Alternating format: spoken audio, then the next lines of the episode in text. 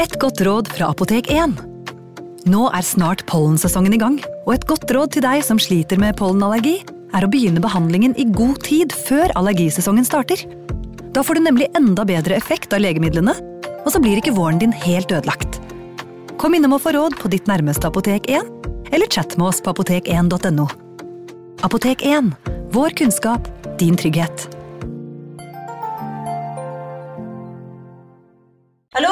Jeg kommer fra Oslo politikammer. Ine Jansen er purk. Er du purk? The motherfucking bitch. Alt jeg vil, er å finne ut hva som skjedde med mannen min. Jon Carew. Er jeg sikta for noe? Iben Akeli. Det er du. Ole So, Lars Berrum og Big Daddy Karsten. Hvem sin side er du på, egentlig? Anette Hoff, Tone Danielsen, Kommer du fra Afrika? Jørnis Josef, Nesten. Kløfta. Trond Espen Seim, Det er synd å si det, men det var feil mann som døde. Purk. Premiere tirsdag på TV2 Play. Advarsel. I denne podkasten vil du høre historier basert på informasjon programlederne har funnet selv. Programlederne står ikke nødvendigvis inne for meninger og syn som fremstilles. Noen påstander kan avvike fra virkeligheten.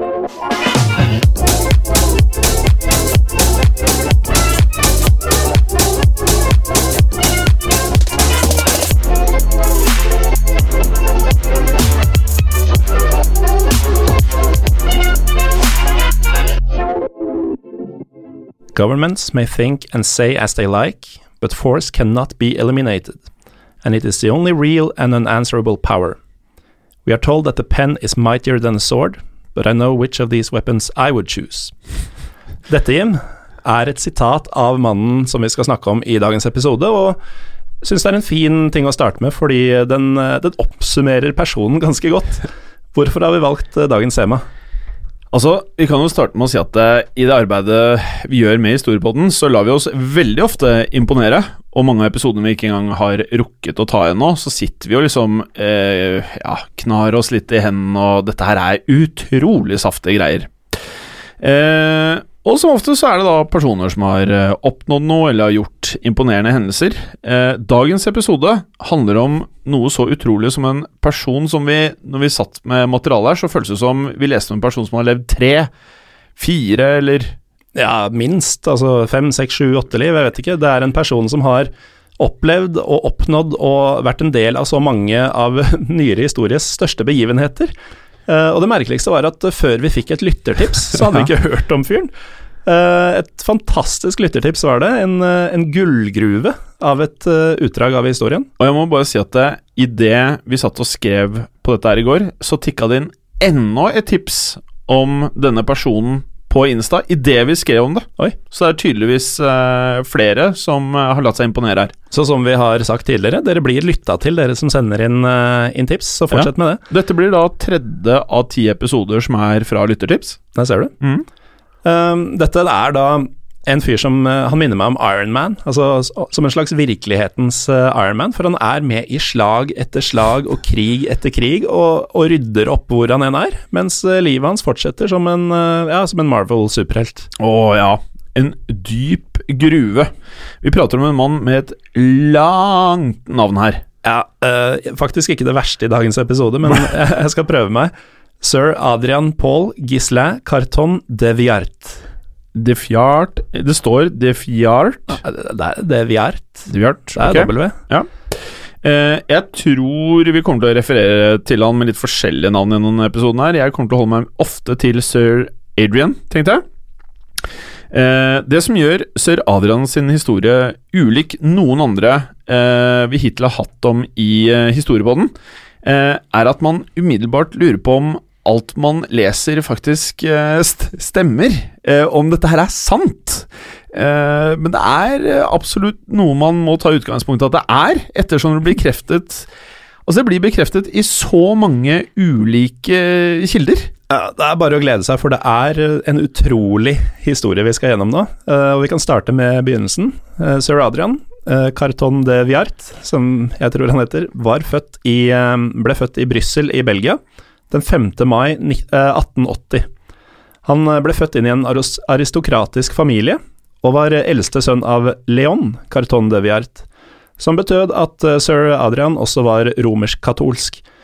Og allerede i ung alder så kan vi spore tegn av et eh, ekstraordinært menneske, for eh, Folk mente at eh, sir Adrian egentlig var kong Leopold 2. sin sønn, altså en bastard. Jep.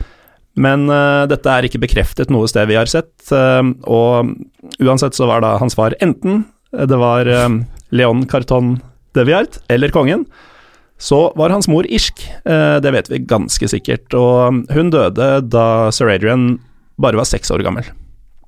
Eh, det stemmer. Eh, hans britiske stemor sendte han så til Birmingham Oratory School i England. 1891 var året. Han skulle senere studere på The University of Oxford. Et studie han valgte å droppe ut av, til fordel for å verve seg for den britiske hæren. Og dette er nå første steget inn i en lang rekke av historier som har med hæren å gjøre. Det skulle gå eh, kort tid til vår superhelt blir med i sin første krig, og den første krigen hans er når han skal være med å kjempe i den andre boerkrigen, og da var vi kommet til 1899. Eh, det han måtte gjøre, var å finne opp et eh, dekknavn for å lyve seg inn i eh, hæren. Og dekknavnet han valgte, Morten, er Trooper Carton. Som i og for seg er ganske uoriginalt. En trooper. Han løy på alderen sin for å komme seg med, selvfølgelig. Han var jo kun 20 år gammel på dette tidspunktet. Han sa han var 25. Eh, så lysten var eh, sir Adrian på å komme seg inn i krigen.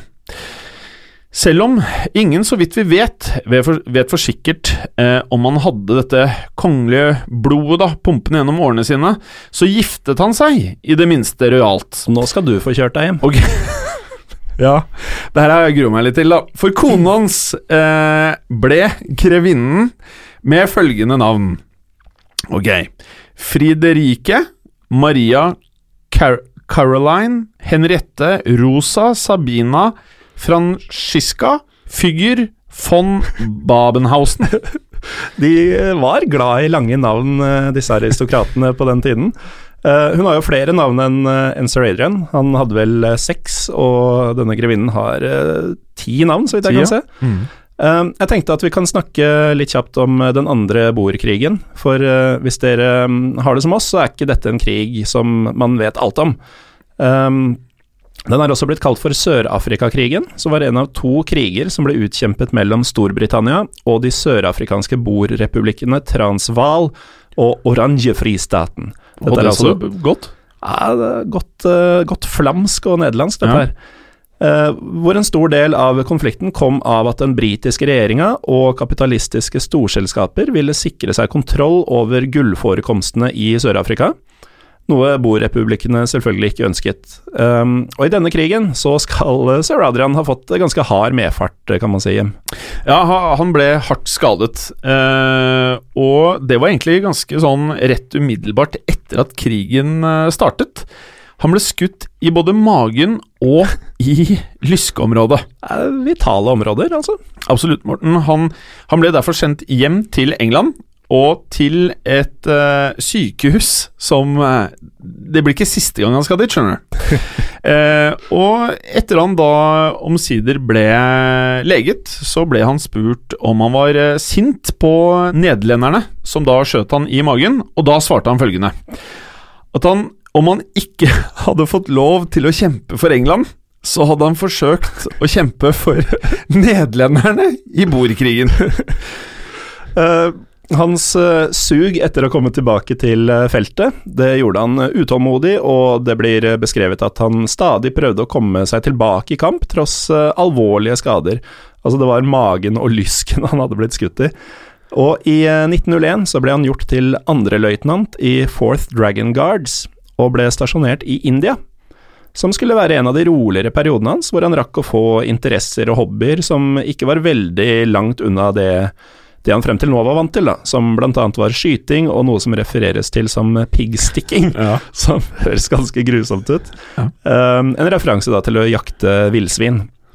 Det er altså en fyr som er med Han er med i krig i en alder av 20, som har løyet om alderen for å få være med, slutter på skolen og trosser sin far, og som da hevder at uh, Spiller ingen rolle hvilken side jeg kriger på, så lenge jeg får krige. Han skulle bare være med. Ja, han skulle bare være med. Og så, når han først kriger for den ene av de to sidene, tilfeldig valgt nesten, så blir han alvorlig skadet, og når han endelig får tid til å gjøre akkurat det han vil, så ønsker han å skyte som hobby, og begynner å jakte svin. Det er jo en lovende start på historien om eh, sir Adrian. Veldig, og vi er jo ikke i gang omtrent. Eh, nå skal det sies her, da, at eh, han etter hvert eh, blir veldig opptatt av andre ting enn bare å skyte og piggstikke og dette her. Eh, Sir Adrian utviklet faktisk en meget sterk vilje til å holde seg i ekstremt god fysisk eh, form, noe eh, han ble opptatt av etter sin første skade. Eh, slik at han skulle vært utrolig aktiv. Han løpte ofte, han gikk så ofte han hadde muligheten, eh, og spilte faktisk forskjellige idretter så ofte han kunne. En observasjon som folk som omgikk han, gjorde han, var at han var en fantastisk kul person. Det blir beskrevet. He was a cool bloke å være rundt, da. Eh, men han skal da også, av de samme menneskene, bli portrettert som at han hadde verdensrekord i å banne! Og det kan jeg se for meg. Og da er det jo rett og rimelig å nevne at uh, i akkurat denne perioden, da, hvor han banner som en eh, full sjømann, så blir han gjort til engelsk statsborger. Han hadde jo frem til nå vært uh, belgisk statsborger. Det stemmer. Uh, videre så ble han i 1904 sendt til Sør-Afrika igjen, og denne gangen gjort til løytnant. Men det skulle gå over ti år før han fikk erfare skikkelig krig av typen han eh, ønsker seg, da. Er det mulig å gjette seg til hva som sto på menyen da, kanskje, Morten? Ti år etter 1904 så er vi vel fort i 1914. Aha. Og um, i november så er uh, første verdenskrig i gang, og vår venn uh, sir Adrian han blir en del av Somaliland kamelkorpset for å kjempe mot følgerne til Mohammed bin Abdullah, som av britene ble kalt, og dette høres ut som nyere hiphop, Mad Mullah. Ja, faktisk. Sir Adrian sin offiser, det var um, Hastings Ismay, som ble Churchill sin militære rådgiver. Så, Morten, skjer det som er så symptomatisk for livet til sir Adrian. Han blir nemlig skadet igjen. Ja, igjen. Altså, superheltgreiene lever videre. Det er litt Batman. Jeg mener fremdeles at det er mest Ironman. Men tilbake til historien, Morten, her. Så smalt det skikkelig i Somaliland. For under et angrep som britene og sir Adrian gjorde mot det fiendtlige fortet Shimber Berris, ble Carton Defjart skutt to ganger i ansiktet. Ja. To, to, kuler i ansiktet, altså. Den ene i øyet til sir Adrian, og den andre skal ha skadet et av ørene hans. Det er jo rimelig heftige greier, og um, lord Ismay, altså offiseren hans, han uh, sa følgende He didn't check his stride, but I think the bullet stung, stung him up, as his language was awful. altså, han eh, missa ikke uh, et skritt, men han begynte å bable og banne. Han banna liksom. fælt, skjønte jeg. Og Ismøy forteller uh, med Han skal fortsette å beskrive hvor godt uh, sir Adrian Carton de Viart likte å krige, da, med følgende The doctor could do nothing for his eye, but we had to keep him with us. He must have been in agony. I honestly believe that he regarded the loss of an eye as a blessing, as it allowed him to get out of Somaliland to Europe, where he thought the real action was. det er jo er kanskje det mest absurde så langt denne sesongen. Ja, uten tvil. Eh, men vi er fortsatt ikke halvveis engang. Så eh, så heftig og så høy grad av heltemot skal han ha utvist at han i 1915 ble tildelt DSO, som da står for Distinguished Service Order, som på denne tiden var for offiserer som utmerket seg på en heftig måte under krigen. Hvis dere lyttere nå tenker at det ble skutt i øyet og i øret, gjør at man kanskje benytter seg av dette da som en grunn til å ikke gå tilbake til krigen, så er i alle fall ikke sir Adrian skrudd sammen uh, slik som i hvert fall du og meg, Morten. Uh, vi hadde jo stukket av for lengst. For han hoppet uh, like gjerne på en båt til Frankrike. Og dette var kort, kort tid etter han hadde blitt skutt. Og alt dette her skjer da i 1915. Har du ord for dette, Morten? Nei, men eh, jeg er jo enig med Ironman-greiene dine. da. Eh, Han hadde stoppa Thanos i den første Avengers-filmen. Han er jo en hardere Ironman enn eh, enn Ironman selv. For når sir Adrian hadde bestemt seg, så skulle det skje. Eh, for han var nå på vei til å bli en del av slagene ved vestfronten.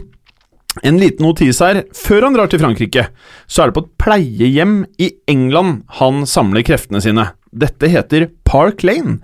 Og Grunnen til at dette er litt viktig å, å nevne, er at det er der han leges hver eneste gang han blir skutt, eller det skjer noe annet. Eh, og på Park Lane så tenker de at ok, ja ja, han er her såpass ofte, så han får sitt eget pysjamassett som han har liggende på Park Lane. Det er jo nesten ikke til å tro. Nei, det er faktisk ikke til å tro, men eh, det er så vidt vi har sjekket, i alle fall fra tre forskjellige kilder, så skal dette her faktisk ha vært en del av storyen hans. Og hvis man har vanskelig for å tro på mye av dette, eh, så kan vel følgende også bidra her, for når eh, sir Adrian Carton de Viart ble leget denne gangen, i sitt faste, nyvaskede pysjamassett, så fikk han et glassøye. Og det var noe han syntes var eh, ubehagelig å ha, så i en taxitur så skal han ha tatt ut øyet og kitta det rett ut av vinduet. Og etter det gikk han da for en svart lapp over det skadede øyet i stedet. Ja, det stemmer. Da sir Carton de Fjart omsider kom seg til Frankrike, nærmere bestemt til Ypres, hadde du sagt det sånn? Ja, noe sånt. Ypres, Ypres, eh, der han ledet eh, tre infanteribataljoner og en brigade, så gjorde han dette med stort hell. Men så skjer det at tyskerne fyrer av gårde et artilleri mot sir Adrian, som forårsaker da eh, store skader til hans venstre hånd. Hånden hans blir beskrevet eh, alle steder vi leser som knust på diverse steder. Det er jo rett tilbake til Park Lane, dette. Eh, dette kan man lese om bl.a. i biografien om eh, sir Adrian som heter Happy Odyssey, som sikkert er verdt en titt for dere som blir fascinert av denne historien. Et meget uh, hett reiseboktips i disse dager. Det er det, men uh, tilbake til eh, poenget, så um, står det altså i biografien at han har revet av to av fingrene sine. Oh, ja. Og det villeste med det her er at legen skal ha ment at det var mulig å redde fingrene, men sir Adrian skal ikke ha vært så interessert i dette, fordi han, han ikke bare rev av seg sine egne fingre, han skal ha bitt dem av. Jeez. Jeg vet ikke hva man sier til slikt, men uh, alle ord blir jo fattige her. Jeg bare å at dette er et menneske satt sammen av, som vi sier, noe annet enn oss to, Morten. Litt samme følelsen som uh, når jeg ser MMA-fighteren Khabib Numargamedov, som i en alder av ni eller ti år bryter med en bjørn. Og de her er jo, dette skjer i Dagestan. Eh, noen mennesker er bedre enn oss, Morten. Rett og slett, og spesielt her er at grunnen til at han bet av seg fingrene, var at han mente det ville ta for mye tid å vente på at de skulle leges. Han kunne ikke la dem gro og, og feste seg igjen. Han ville tilbake i action nå. Og følgen av dette stuntet til den krigstørste sir Adrian var at legene senere dette året måtte amputere hele hånda hans. Noe uvisst for oss eh, akkurat hva som var gangen her, men eh, det føles som om sårene ikke ville leges eh, skikkelig. Etter amputasjonen skal han ha brukt, brukt utrolig mye tid på å overtale det medisinske styret i militæret om at han da faktisk var kampdyktig. For nå hadde han jo akkumulert nok en ganske sånn alvorlig skade og skulle ut og krige. Hva tror du, Morten? Klarte han det? Jeg tror han kledde seg ut som Robocop og overbeviste hele gjengen. Da blir du ikke overrasket, for Carton overbeviser selvfølgelig styret han. Og han er tilbake i kamp i 1916 og får i ansvar å lede den åttende bataljon, Gloucestershire Regiment. Om legenden og ettermælet hans ikke allerede var sementert, så skulle det definitivt bli det her, Morten. Mennene som kjempet under han, kan huske hans vesen som stor inspirasjon. Med øyelappen i kombinasjon med hans utrolige heltemot gjorde eh, sir Carton til veldig eh, kjent, om man skal si det sånn, i eh, flere kretser. Dette ble sagt å lette trykket, faktisk, blant eh, mennene hans. Eh, redselen ble borte av å bare se sir Carton. Og dette heltemotet som du snakker om, det, det var ikke bare basert på rykter. For um, under et slag om landsbyen La Boiselle, som var et slag som svingte veldig frem og tilbake, så skal tre av uh, sir Adrian sine medoffiserer ha falt. Og hva tror du han gjorde? Uh, usikker, men jeg tviler på at det blir noe retrett, i hvert fall. Nei, han tok over ansvaret for uh, tre tropper til, og klarte å lede dem alle sammen, lenge nok til at de klarte å holde stand mot fienden. Uh, noe som selvfølgelig ikke gikk under radaren, og han ble tildelt uh, Victoria-korset, som er den aller høyeste utmerkelsen man kan få i det britiske militæret, for hans heltemot og pågangsmot. Uh, hedert, men ikke overraskende, så nevnte han ikke utmerkelsen én gang da biografien hans skulle skrives. Det, det var ikke verdt å snakke om, mente han. og grunnen til det hadde han fortalt en venn etter at boken ble skrevet, at han syntes det var for ille at han skulle få æren når medaljen tilhørte alle mennene som hadde kjempet. Her er eh, et utdrag av hva som ble sagt om hans heltemot da han fikk Victoria-korset.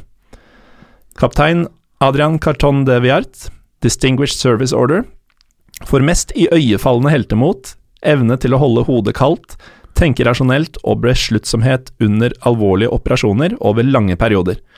Det var takket være hans uendelige mot og inspirerende forbilde som bidro til at troppene våre ikke måtte trekke seg tilbake. Han utviste den høyeste grad av energi, mot til å tvinge angrepet vårt hjem. Etter at tre andre bataljonkommandører ble drept, kontrollerte han troppene og forsikret seg om at fremsteg i feltet ble gjort, til enhver pris. Han turte med hyppighet å sette seg selv i fremre rekke, utsatt for fare i situasjoner der han skulle organisere troppene. Hans heltemot var inspirerende for oss alle, inkludert deg og meg, Jim. Absolutt. Dette er høyst flatterende tilbakemelding eller omtale å få. Um, dette var faktisk noe som da utgiveren av boken, altså biografien hans, ikke fikk med i biografien, ettersom sir Adrian da som sagt ikke opplyste noe om dette. her. Så utgiverne måtte da senere eh, legge til denne informasjonen, og eh, det var noe man da måtte gjøre så sent som i femteutgaven eh, av denne boken. For lytterne våre som er spesielt interesserte, og som skal innom Chelsea-området i, i England, så kan man da stikke innom The National Army Museum.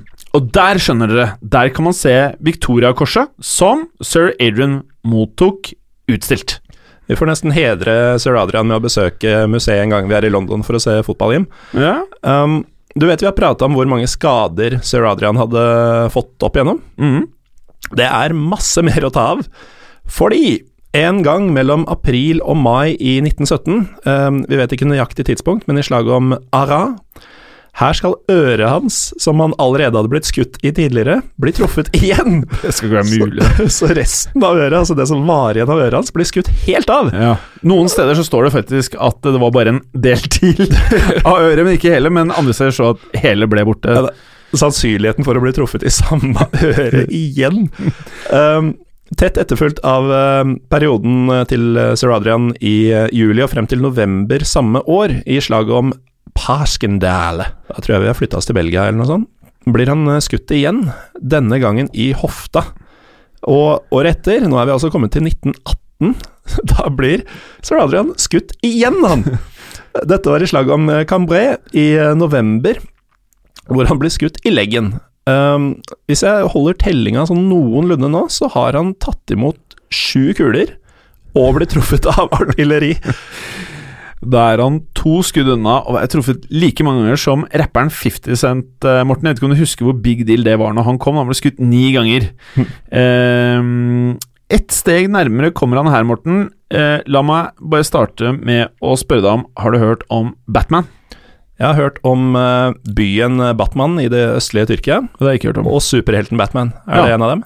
Det kunne vært det. Eh, eller Submariner-klokkeren til Rolex, som også kalles Batman. Men i denne sammenheng prater vi om en personlig tjener som Carton de Fjart hadde i eh, krigsperioden.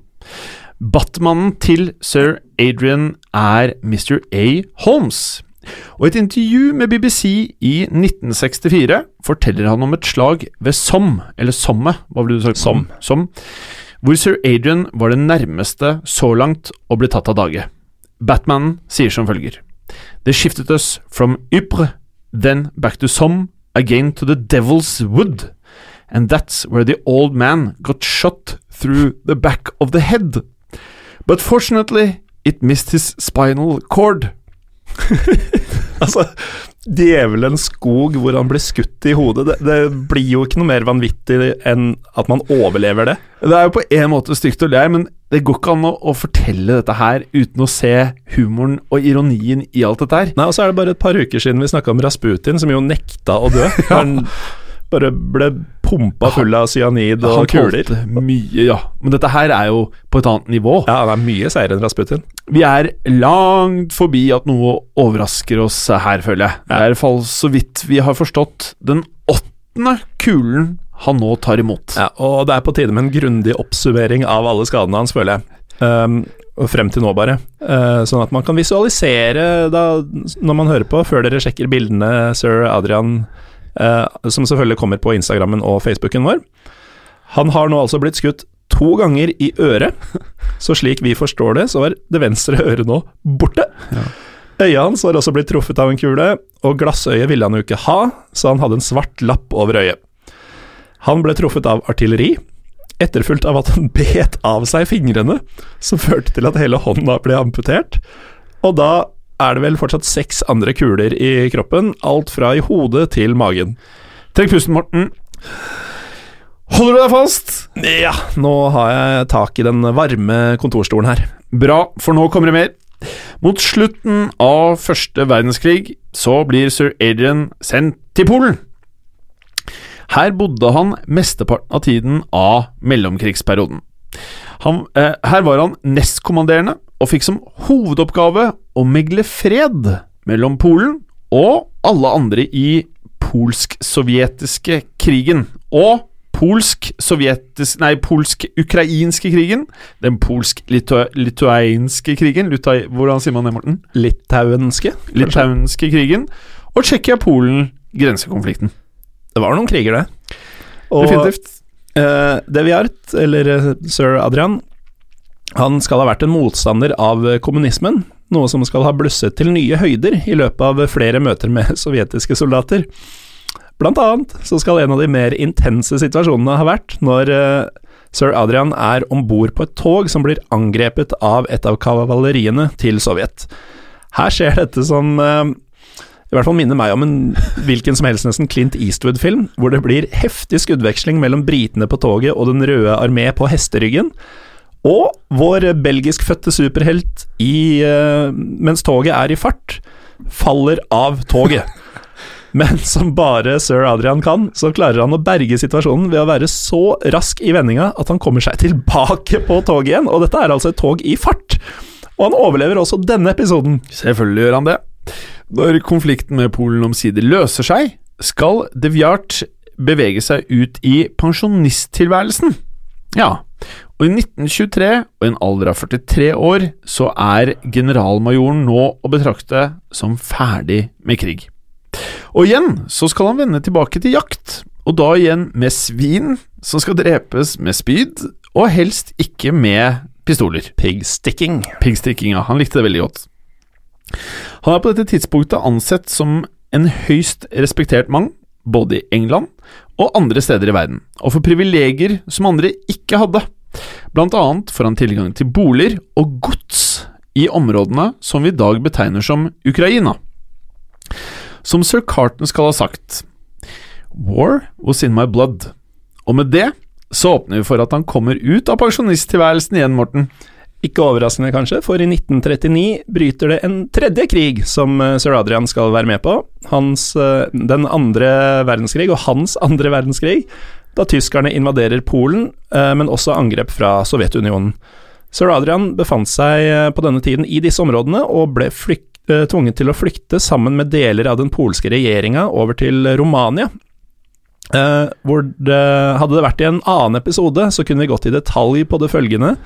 Men i denne episoden så holder det med å si at de ble angrepet av Luftwaffe, noe som skal ha drept flere i følget deres. Men hvem overlever? Selvfølgelig sir Adrian. Han er uh, umulig å ta dage. Og det som er eh, litt sprøtt nå, når, det, er jo bare å si det sånn at eh, dette var jo, som vi sa, presentert eh, til oss av flere av lytterne. Vi kjente ikke til historien. Og etter alt det vi nå har pratet om, så dukker det da plutselig opp at sir Adrian skal til Norge. Yeah! Ja. Eh, for han kom seg omsider tilbake til Storbritannia, der han i en alder av 59 år får ansvaret for å lede en gruppe med soldater som skal til Norge. Og troppen hans eh, er bestående av både franske og engelske tropper, og de skal ta tilbake Trondheim. Slik det var planlagt, var at sir Adrian skulle lage base i Namsos og angripe ifra nord. Og som man vet, ble det viktig i annen verdenskrig at bakkestyrker fikk støtte fra skipene i havet. Som i dette tilfellet skulle være fra allierte skip som skulle komme fra sør. Planen deres, som eh, ofte er tilfellet i krigstider når det er dårlig tid og overraskelser dukker opp hyppig, den var planlagt i en fei. Man skulle, mye skulle by på utfordringer, for på flyet til Namsos blir de angrepet av et tysk jagerfly, som skader mange av soldatene til sir Adrian. Proviant og utstyr skal også ha blitt borte under kaoset. Så ferden deres mot Trondheim, den skulle bli farlig. Han ledet troppene over norske fjell mot Trondheim, men hele veien ble de bombardert av Luftwaffe, og artilleriet skulle være hyppig, om ikke daglig, samt at de måtte skygge banen for nazister på ski, altså nazitropper på ski som patruljerte. Det, er, det høres jo helt uh, vilt ut. Altså, det høres ut som bare oppdraget her i Namsos og Trondheim, Trondheim kunne vært en, en episode. Ja, det høres sånn ut. Ehm, da de omsider ankom eh, Trondheim Ja, for de gjorde jo det, selvfølgelig. Han døde Ja, ikke på ja, veien. Nei, nei, nei, nei. Eh, så oppdaget de da at de allierte skipene, de, de var ikke der. Eh, og de skulle jo som sagt være avgjørende som støtte, og for at oppdraget skulle fungere. Og da gikk det opp for sir Adrian og troppene hans at oppdraget nå var å betrakte som mislykket. Han klarer allikevel å få alle mennene hans eh, av gårde tilbake ut av Norge og til Hvor da, Morten? Tilbake i England så ankommer han eh, akkurat tidsnok til å feire 60-årsdagen sin. Um, der blir han av um, Eller etter at han ble 60, så ble han av uh, selveste sir Winston Churchill gitt ansvaret for å hjelpe Jugoslavia, som også trengte hjelp mot nazistene som var, på, var i angrep på denne tiden. Uh, så han uh, fløy ned til Jugoslavia via et kort stopp for å fylle drivstoff på Malta. Men som med mye i livet til eh, sir Adrian, så kan jo ikke ting gå helt etter planen, og det gjør det vel heller ikke her hjem. Nei, det gjør ikke det, skjønner Morten, fordi eh, begge motorene på flyet streiker. Eh, Står det ett sted, et annet sted så eh, skal det ha blitt eh, skutt. Uansett, rett over Middelhavet så krasjlander eh, flyet til eh, sir Adrian eh, rett i havet. Området var beskrevet som eh, en halv kilometer utenfor kysten av Libya, som på dette tidspunktet var kontrollert av fascistene, altså Italia. Flystyrten skal vært så kraftig at på vei ned mot havet så blir eh, vår venn bevisstløs. Altså han blir kasta rundt i flyet, så det som faktisk da berger han, er at når de da treffer vannet, så kvikner han til av at vannet er så kaldt. Og utrolig nok så eh, klarer han da å manøvrere seg ut av eh, flyet, og det blir beskrevet som at de sitter på vingene av flyet så lenge som mulig. Vannet var kaldt, og de håpte på å kanskje kunne bli reddet. Og selvfølgelig, da, som alle superhelter, så klarer man til nød å karre seg ut av flyet før det synker, og hva skjer da, Morten? Da klarer sir Adrian og hans menn å svømme til land. Men altså, tenk deg det her, Jim. Flykrasj midt i havet, du har vært bevisstløs og våkner i vann, og skal med én hånd svømme til land. Der står det i mannen. Herdet metall, Morten. Meget herdet, og herda må en være når man eh, skal bli tatt til fange med det samme man kommer i land. Eh, For de blir alle sendt til fangeleir når de ankommer eh, kysten til dette fascistokkuperte landet. En alliert helt som sir Adrian nå var blitt, var jo dette å se på som en profilert og viktig fange for fascistene, og han blir derfor sendt til eh, en fangeleir for allierte offiserer i Vincigliata-slottet utenfor eh, Firenze. Vincigliata. Vincigliata. Sir Adrian blir eh, et naturlig midtpunkt her, og planlegger da altså kort tid etter han ankommer eh, leiren. Fluktforsøk, selvfølgelig. Og mange fluktforsøk skulle det bli etter hvert. Eh, før de fant en variant som faktisk fungerte. Og det de da gjorde her, er noe som er som tatt ut av filmen The Great Escape med Steve McQueen. Den har du sett, eh, Morten? Ja, ja. De graver en tunnel her, og de bruker over et halvt år på å grave denne tunnelen. Før de klarer å få til noe som fungerer, og den skulle bli 60 fot lang.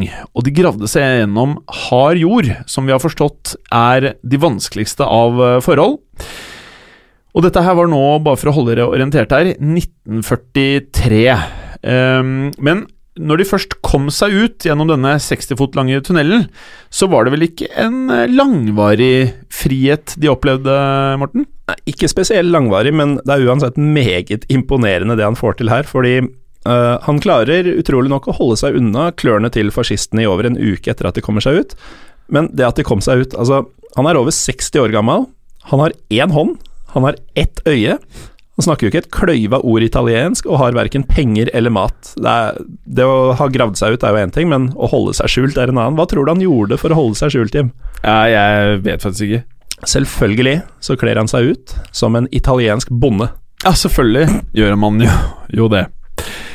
Etter hvert som krigen går i uh, favør av uh, de allierte, skal Italia se på eh, til fart som å inneha en enorm funksjon for dere i å forhandle med de allierte.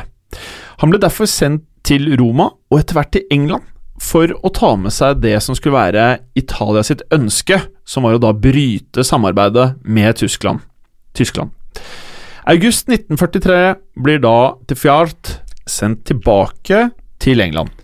Og som vi har blitt vant til, så er det jo ikke slik at uh, De Viart uh, ligger på latsiden. Så kun en måned etter at han returnerer til England, så trengs hans unike talenter atter en gang. Uh, denne gangen er det selveste statsministeren, Winston Churchill, som trenger sir Adrian.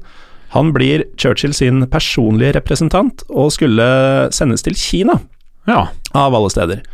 Han får i oppdrag å kommunisere med Kinas leder Chiang Kai-shek, og Før turen til Kina så var han eh, med Chiang Kai-shek til Kairo-konferansen, hvor han var med for å diskutere Japans fremtid i etterkrigstiden.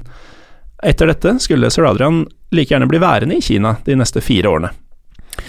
Det skulle han, og det skal ha blitt sagt da, at han sjelden eller aldri brød seg veldig om å skjule sin aversjon mot kommunismen. Selvfølgelig ikke. Selvfølgelig ikke. For i løpet av denne perioden i Kina så skal han ha omtalt Mao som en galning, og at Fjart skal ha avbrutt Mao, Mao midt under en tale, for så å kritisere hans manglende militære motstand mot de japanske styrkene i landet. Som sagt, han er av stål, han her, for de Fjart mente at det var manglende vilje til å stå imot japanerne som skyldtes eh, interne politiske uenigheter, heller det at eh, Kina faktisk hadde eh, styrkene til å gjøre noe. Ja, og om det vi prater om eh, her er sant eller ikke, det kan vi ikke bekrefte, men hvis det er det, så hører, hører det også med til historien at Mao ble stille i noen sekunder før han bare brøt ut i latter. Og bare for å få med sir Adrians eh, hell i uhell hva fly angår, så skal han ha overlevd enda et flykrasj i tiden hans i Kina. Ja. Men så i 1947 så er krig og diplomati også over for selveste sir Adrian de Fjart. I en alder av 66 år takker han nei til et, et jobbtilbud eh, om fast jobb som diplomat i Kina. Og på vei hjem til England. Ironisk nok, denne mannen som da har overlevd stort sett alt, så skal han ha vært på vei til å besøke en venn i Burma. Han var ikke på vei, han var på besøk, og her skulle han oppleve en av sine livs verste skader. Fordi han sklir ned en trapp, Morten. Han blir slått bevisstløs og brekker ryggen. Oh. Han overlever dette eh, også, og blir sendt til England for å operere. Og etter hva vi har forstått, så klarte han da også etter dette å leve et normalt liv, da. Ja, Det kan du trygt si, fordi i 1949 så dør eh, sir Adrian sin kone. Og to år etterpå så finner han eh, sin nesten 25 år yngre nye kone, eh, Joan Sutherland. Det er da en fyr med fryktelig mange kuler i kroppen nå. Mangler et øre, mangler en hånd, har brukket ryggen, er 25 år eldre enn dama. Hun vil gifte seg med henne. Ja, ja, så klart. De flytter sammen til Irland, og her tilbringer de resten av sine liv sammen. I 1963, i en alder av 83 år, så dør sir Adrian Carton de Viarts etter en pensjonisttilværelse med jakt, selvfølgelig, og fiske. Hans kone Joan døde i 2006, tydeligvis like seigliva som eh, mannen. Hun ble 102 år gammel. Det er en del. Eh, jeg syns det er bare riktig at vi nå avslutter dette her med en aldri så liten eh, quote. Den militære historikeren James Cook Jeg mener at det faktisk er et reisebyrå også, som heter det. I The Royal Thomas Cook. Ja, det er Thomas Cook, ja. Ja, ja. James Cook i The Royal Artillery mener at sir Adrian sitt eksempel eh, resonnerer den dag i dag. Hør på følgende. Carton de Fjart did have a habit of getting injured, but this is simply a testament to his belief of leading from the front. He inspired his own men with the simple and eternal words, Follow me. These words remain the mark of a truly courageous leader, be it on the Western Front a hundred years ago, or today in military operations around the world. Det er jo verdt å tenke over det her, Morten. Det er, jeg, jeg, tror nok uh, Igjen, vi har jo tatt for oss mange ting her i historiepodden som uh, er historier som mange ikke har hørt om før. Mm. Uh, jeg tror kanskje at det er flere som har hørt om dette her i Storbritannia enn hva vi kanskje vet, jeg. For at jo mer vi har lest om han, jo mer skjønner vi at han her er brukt, eh, sikkert under krigen, som om man, Er det feil ord å bruke propaganda, men ble brukt til å motivere Mm. troppene. Eh, og det går igjen veldig mange ganger at han motiverte og fjerna denne redselen som han hadde før man skulle inn i krig. Han må jo være pensum på alle skoler i, i Storbritannia. Uh, jeg legger merke til at i dette um, sitatet så bruker de ordet 'courageous'. Og at han da, som vi var inne på tidligere, at han alltid var i fronten, og at han da tydeligvis bare ba folk om å følge etter han og bare beina mot uh, motstanderen. Jeg tenker at et, et ord jeg aldri bruker i dagligtalen, som bare kom til meg nå, dumdristig. Dumdristig, ja. Ja, altså åpenbart modig, men eh, på et nivå hvor altså, Det er jo ikke tilfeldig at han ble skutt på hele Eller truffet hele tiden. Han legger seg jo til hugg, som man sier. Jeg velger å kalle det heltemot. Uh, you know what time it is? Is it time for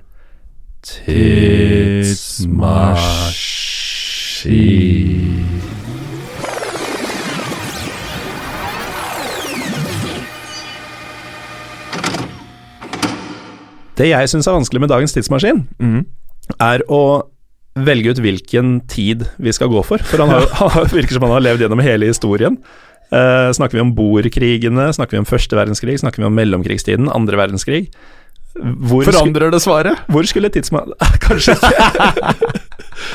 Og jeg ville i hvert fall ikke vært sir Adrian, fordi det å bli skutt på annenhver uke, det er ikke min livsstil, rett og slett. Det har jeg ikke i meg.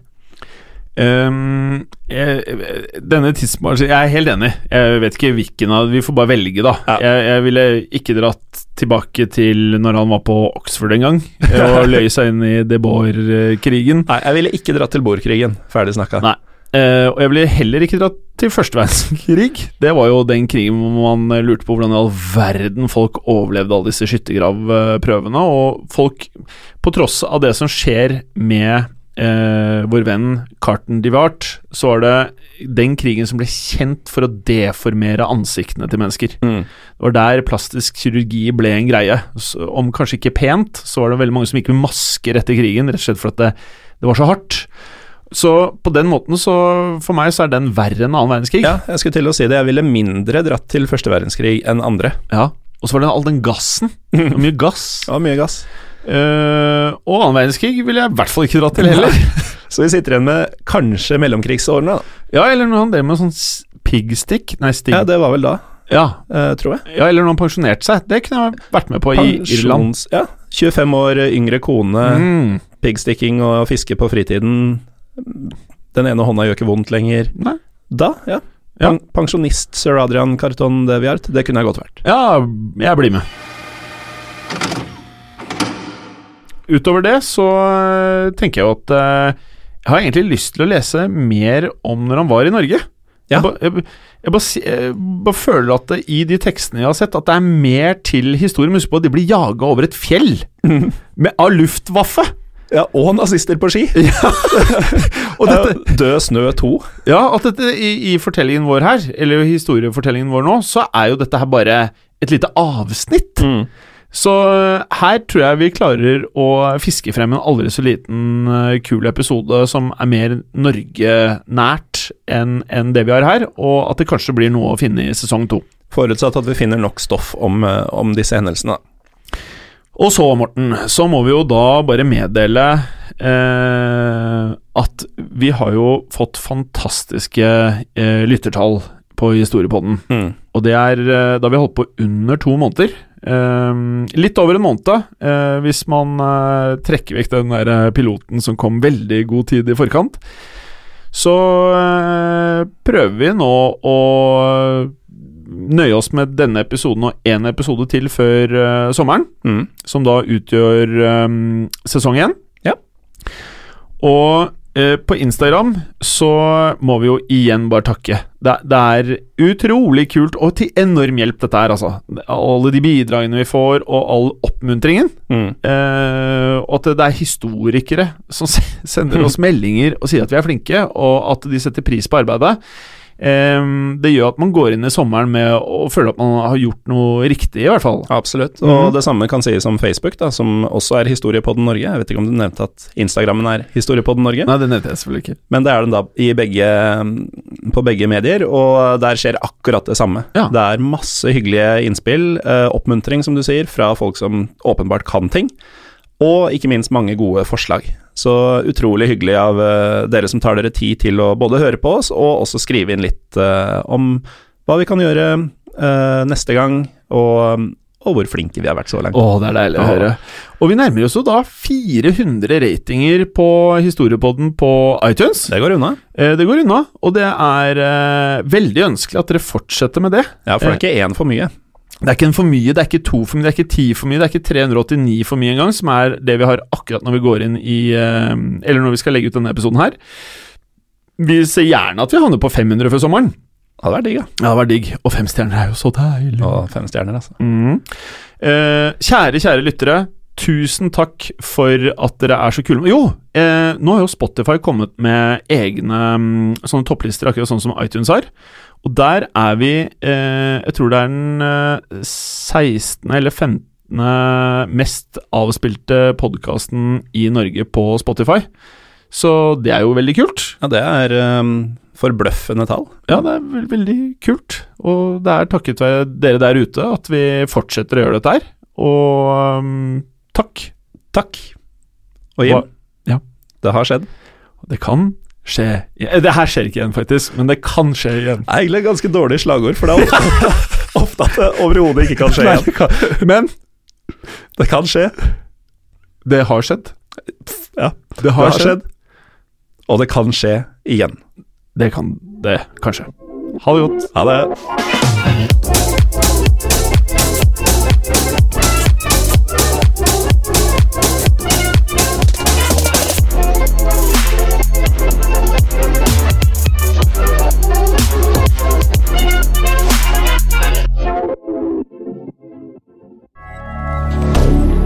Moderne media.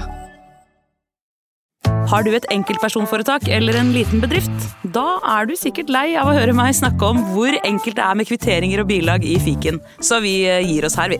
Fordi vi liker enkelt. Fiken superenkelt regnskap. Hei, og takk for at du lytter til Historiepodden. Skulle du ønske at du kunne høre en ny episode av Historiepodden hver eneste uke? Vel, da er det én ting å gjøre. Da kan du laste ned podkastappen Untold med det samme. For i tillegg til ukentlige episoder av podkaster som Historiepodden andre verdenskrig, Henrettelsespodden og også Gangsterpodden, så får du masse annet reklamefritt og også eksklusivt innhold. Last ned Untold i AppStore eller Google Play og start din 30 dagers gratis prøveperiode allerede i dag.